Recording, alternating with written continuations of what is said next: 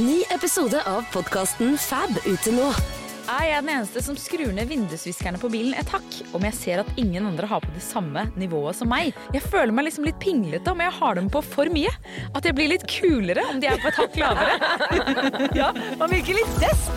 Hør Fab med Jenny Skavlan, Ingrid Bergtun, Mari Nordén og Ingrid Vik Lysne. Gratis på podplay.no. En podkast fra Podplay.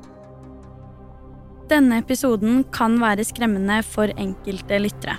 Om du er yngre eller sensitiv, bør du lytte til episoden med en voksen du stoler på, eller skru av.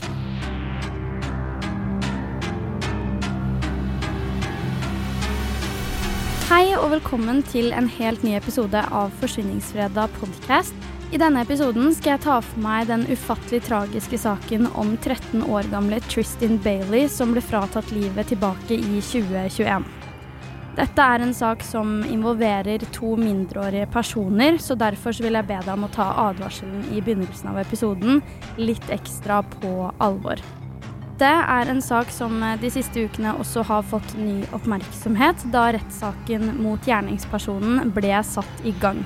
Så i dag er jeg veldig spent på å fortelle deg om saken om Tristan Bailey. Og dersom du skulle ha noen spørsmål til enten denne saken eller andre saker jeg har snakket om i podkasten, så finner du meg på Instagram, der jeg heter Forsvinningsfredag. Nå la meg fortelle deg litt om 13 år gamle Tristan Bailey. Tristan Bailey var en 13 år gammel jente fra Jacksonville i Florida. Hun kom fra en veldig stor familie, hvor hun var én av fem søsken, og hun var også høyt elsket av alle rundt seg. Veldig mange så opp til henne, og moren har faktisk beskrevet Tristan som den venninnen du ønsket å ha, og en som alle skulle hatt i livene sine. Visstnok stilte hun alltid opp for de rundt seg, i tillegg til at hun ikke akkurat var fremmed for å stå opp for dem som ikke klarte å stå opp for seg selv, og det uavhengig av om det var hennes nære eller ikke. Moren til Tristan har også forklart at datteren hennes var vanvittig målrettet og sta i prosessen. Hun kan fortelle om et tilfelle der Tristan hadde fortalt moren sin at hun ønsket å drive med cheerleading, men moren, som da en tidligere cheerleading-coach, nektet å la henne gjøre det. Det tok litt tid, men Tristan holdt likevel fast ved målet hun hadde, og hun skulle definitivt drive med cheerleading, koste hva det koste vil. Dette gjorde at moren til slutt var nødt til å overgi seg og la det bare skje. Frem til da hadde Tristan gjort alt hun kunne for å lære seg flere elementer fra cheerleading-sporten, så det var ingen tvil om at hun nå var klar for å drive skikkelig med dette. Generelt blir Tristan beskrevet som en veldig sprudlende og blid person som alltid fikk de rundt seg til å smile og le. Hun var en veldig stødig venninne, og var også veldig opptatt av at de rundt henne skulle vite hvor de hadde henne, og også at hun var glad i dem. Dette var visstnok noe hun fortalte dem ofte. 13-åringen gikk på Patriot Oaks Academy i St. Johns County i Florida, som også er der hun drev med konkurrerende cheerleading. Det er dessverre sånn at Tristan Bailey, blant både kjente og ukjente, vil huskes fra en hendelse hun på ingen måte kunne forutse, og som også er en av de mest brutale sakene. La meg fortelle deg litt mer om dette. Tristan Bailey ble sist sett søndag 9. mai 2021 klokken kvart over ett på natten. Hun blir da observert rundt i sitt eget nabolag, nemlig i Durbin Crossing i St. Johns. Da hun sist ble sett, hadde hun på seg et hvitt cheerleading-skjørt og en mørkfarget overdel. Rundt klokken kvart på to den samme natten blir to unge personer observert sammen på et overvåkningskamera fra et hus på Saddlestone Drive, og ca. klokken 03.27 samme natten fanger det samme overvåkningskameraet opp kun én av disse personene, som løper i motsatt retning enn tidligere. Personen har også et par sko i hånda si. Hvem var disse to personene, og hvor hadde det blitt av den andre personen? På morgenen dagen etter våkner Bailey-familien til at det er morsdag, og i den anledning hadde Tristin og den ene søsteren hennes planlagt at de skulle finne på noe gøy i forbindelse med denne dagen, for å da hylle moren sin. Søsteren til Tristin går da inn på rommet hennes for å vekke henne, men blir møtt med at Tristin ikke er å finne inne på rommet sitt. Dette syns hun selv var veldig rart og uvanlig. Altså, Tristin var jo bare 13 år gammel. Umiddelbart går familien Bailey i panikk, og klokken ti på formiddagen denne søndagen melder de Tristin savnet. Rundt en times tid senere forespør det lokale politiet offentligheten om tips på deres offisielle Facebook-side. Klokken blir ca. 16.50 da politiet sender ut en varsling om en savnet 13-åring. Allerede klokken seks denne ettermiddagen blir et lik funnet i sørenden av en dam som igjen lå i skogen i enden av Saddlestone Drive. Funnet ble gjort av en frivillig som hadde søkt i området etter å ha hørt om saken, rett og slett for å hjelpe til og for å finne Tristin, for han bodde nemlig selv i dette nabolaget. Han ringte politiet med en gang han fant dette liket, og allerede på åstedet kan politiet bekrefte at dette er 13 år gamle Tristin Bailey. Naturligvis måtte Tristin tas inn til obduksjonsundersøkelser, og det er her det kommer frem at dødsårsaken til Tristin Bailey er knivstikking. Til sammen finner rettsmedisineren 114 stikkskader i kroppen til Tristin, hvor 49 av disse er forsvarsskader. 35 av dem er mot hodet og nakken. 29 mot ryggen og skuldre. Og 6 fatale og livstruende stikk. Obduksjonsundersøkelsene får også frem hvor brutalt dette drapet er begått. Kniven som er blitt brukt under drapet, er blitt knekt av, og tuppen av knivbladet sto igjen i liket til Tristin. Obduksjonsrapporten viser også at Tristin ble utsatt for seksuelt overgrep før hun døde. Når det kommer til etterforskningen av denne saken, så var det i stor grad overvåkningsbildene som ledet politiet i riktig retning.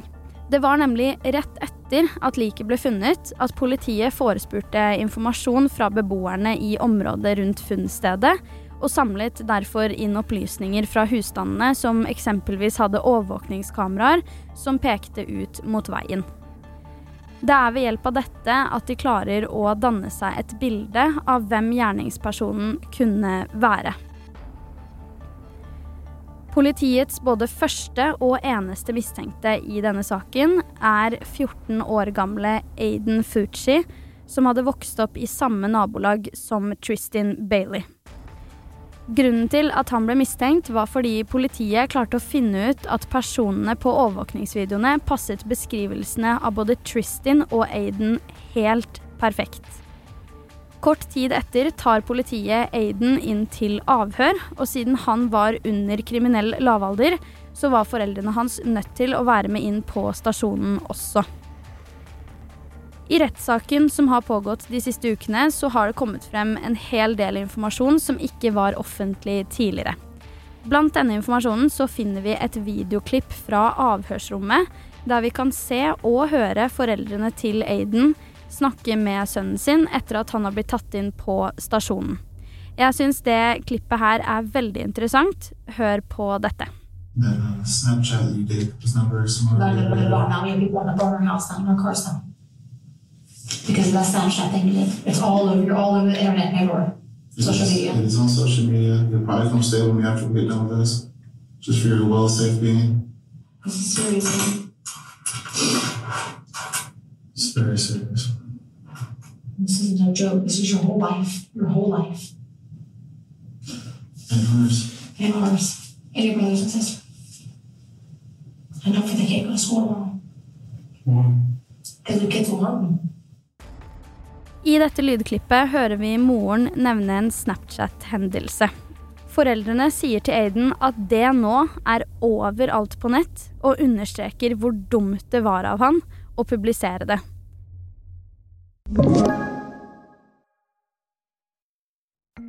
Så hva var det egentlig som skjedde med denne Snapchat-hendelsen? Jo, Aiden ble tatt inn til politiet i en politibil. Han ble pågrepet og dermed tatt inn til avhør gjennom å sitte på med de i politibilen. Så mens han sitter i baksetet av politibilen på vei til stasjonen, så legger han ut et bilde på Snapchat-storyen sin hvor han holder opp et peace-tegn. På selve snappen skriver han som følger, oversatt til norsk. Hei, folkens. Har noen sett Tristan i det siste? Dette ble publisert før politiet egentlig hadde ytret noen mistanke, og før han egentlig hadde blitt siktet for noe som helst. Dette bildet har jeg lagt ut på Instagram-profilen min Forsvinningsfredag dersom det er av interesse å se det. Og det er også verdt å merke seg at åstedet i denne saken det lå rundt 350 meter unna hjemmet til Aiden Fucci. Det som skjer i etterkant av dette avhøret, er at politiet setter seg ordentlig godt inn i Aiden, hans historie og også hans forhold til Tristin for å forsøke å se en kobling. Her kommer det faktisk frem at Aiden ikke engang hadde kontaktinfoen til Tristin før dagen før drapet, til tross for at de to kjente hverandre gjennom skolen.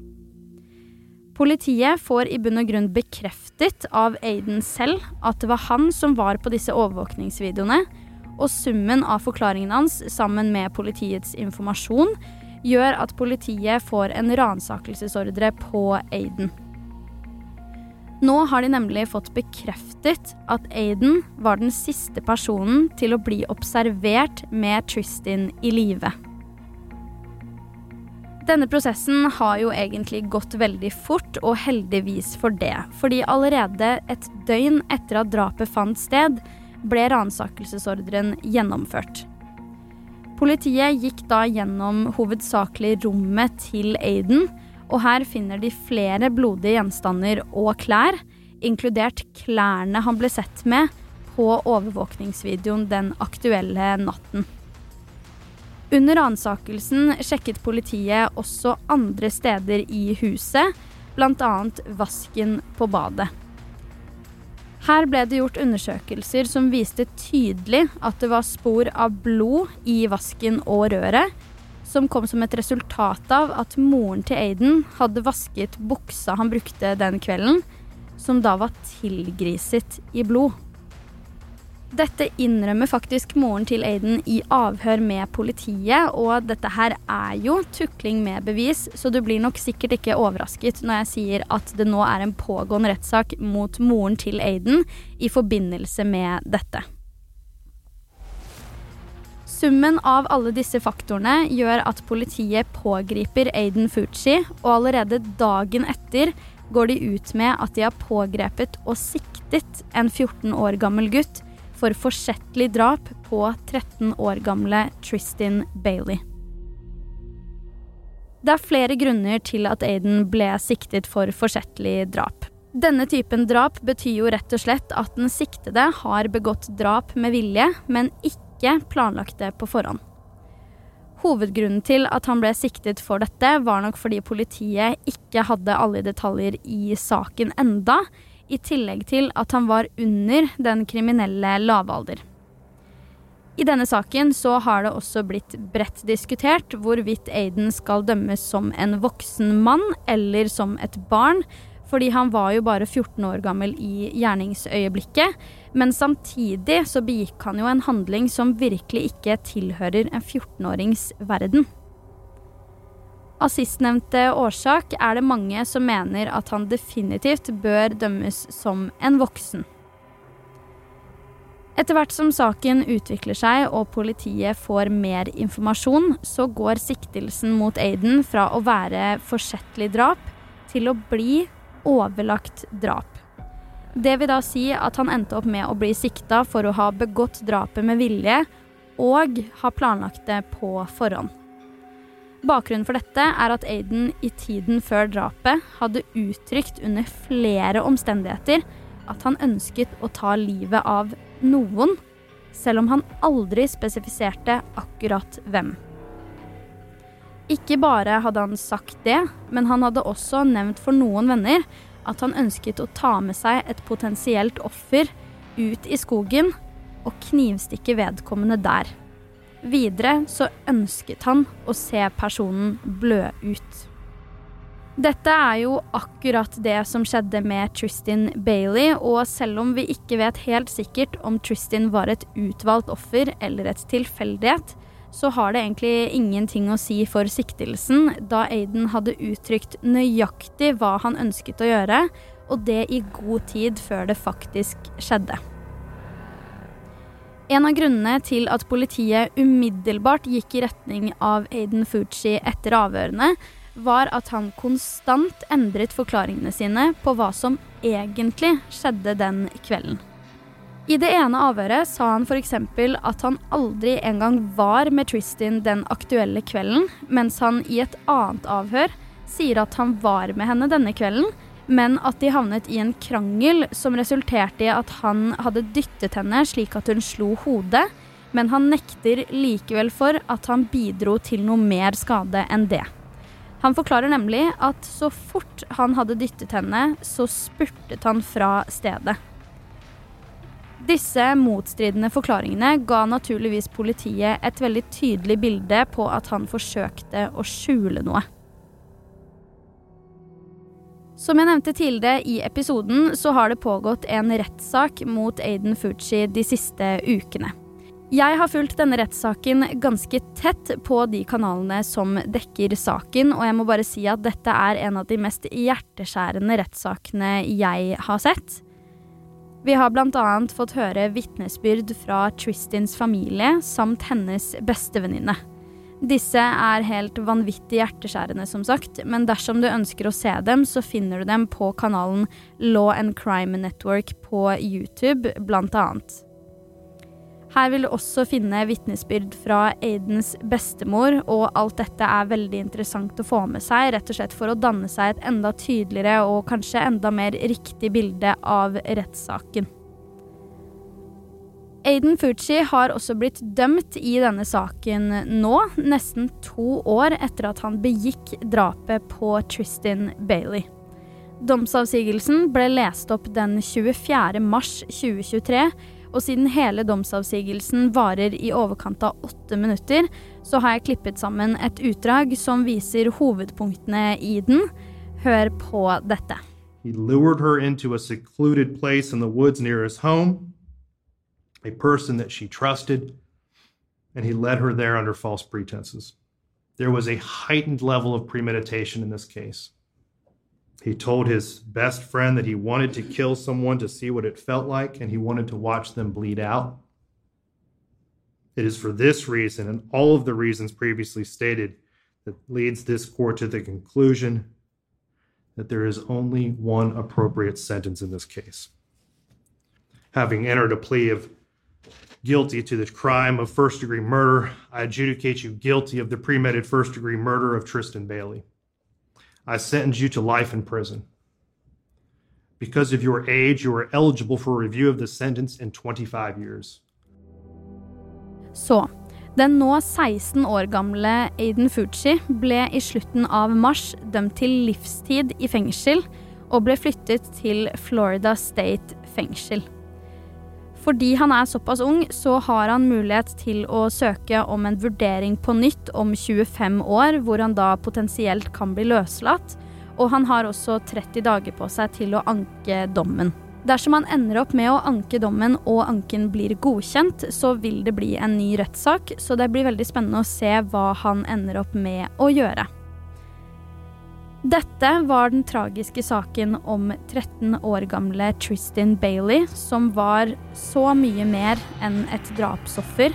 Og hun hadde også et helt liv foran seg, som Aiden Fuji valgte å frata henne. Tristan ble ikke drept av noen grunn, kun at Aiden Fuji ønsket å føle hvordan det var å drepe noen. Og det er blant flere av grunnene til dommen han fikk. Du har hørt Forsvinningsfredag podcast med meg, Sara Høydahl. Dersom du har noen spørsmål til enten denne saken eller andre saker, så finner du meg på Instagram, der jeg heter Forsvinningsfredag.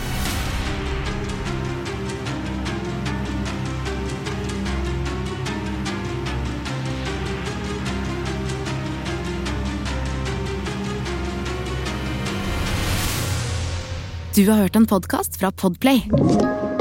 En enklere måte å høre podkast på. Last ned appen Podplay, eller se podplay.no.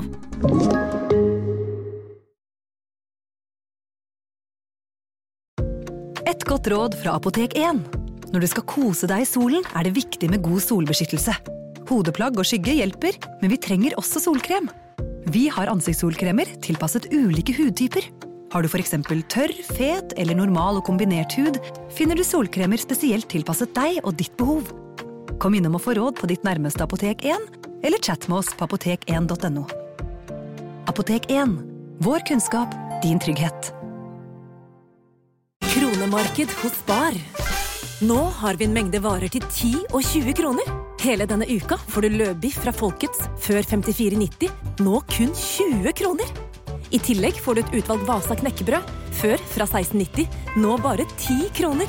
Alltid tilbud på noe godt. Hilsen oss i Spar.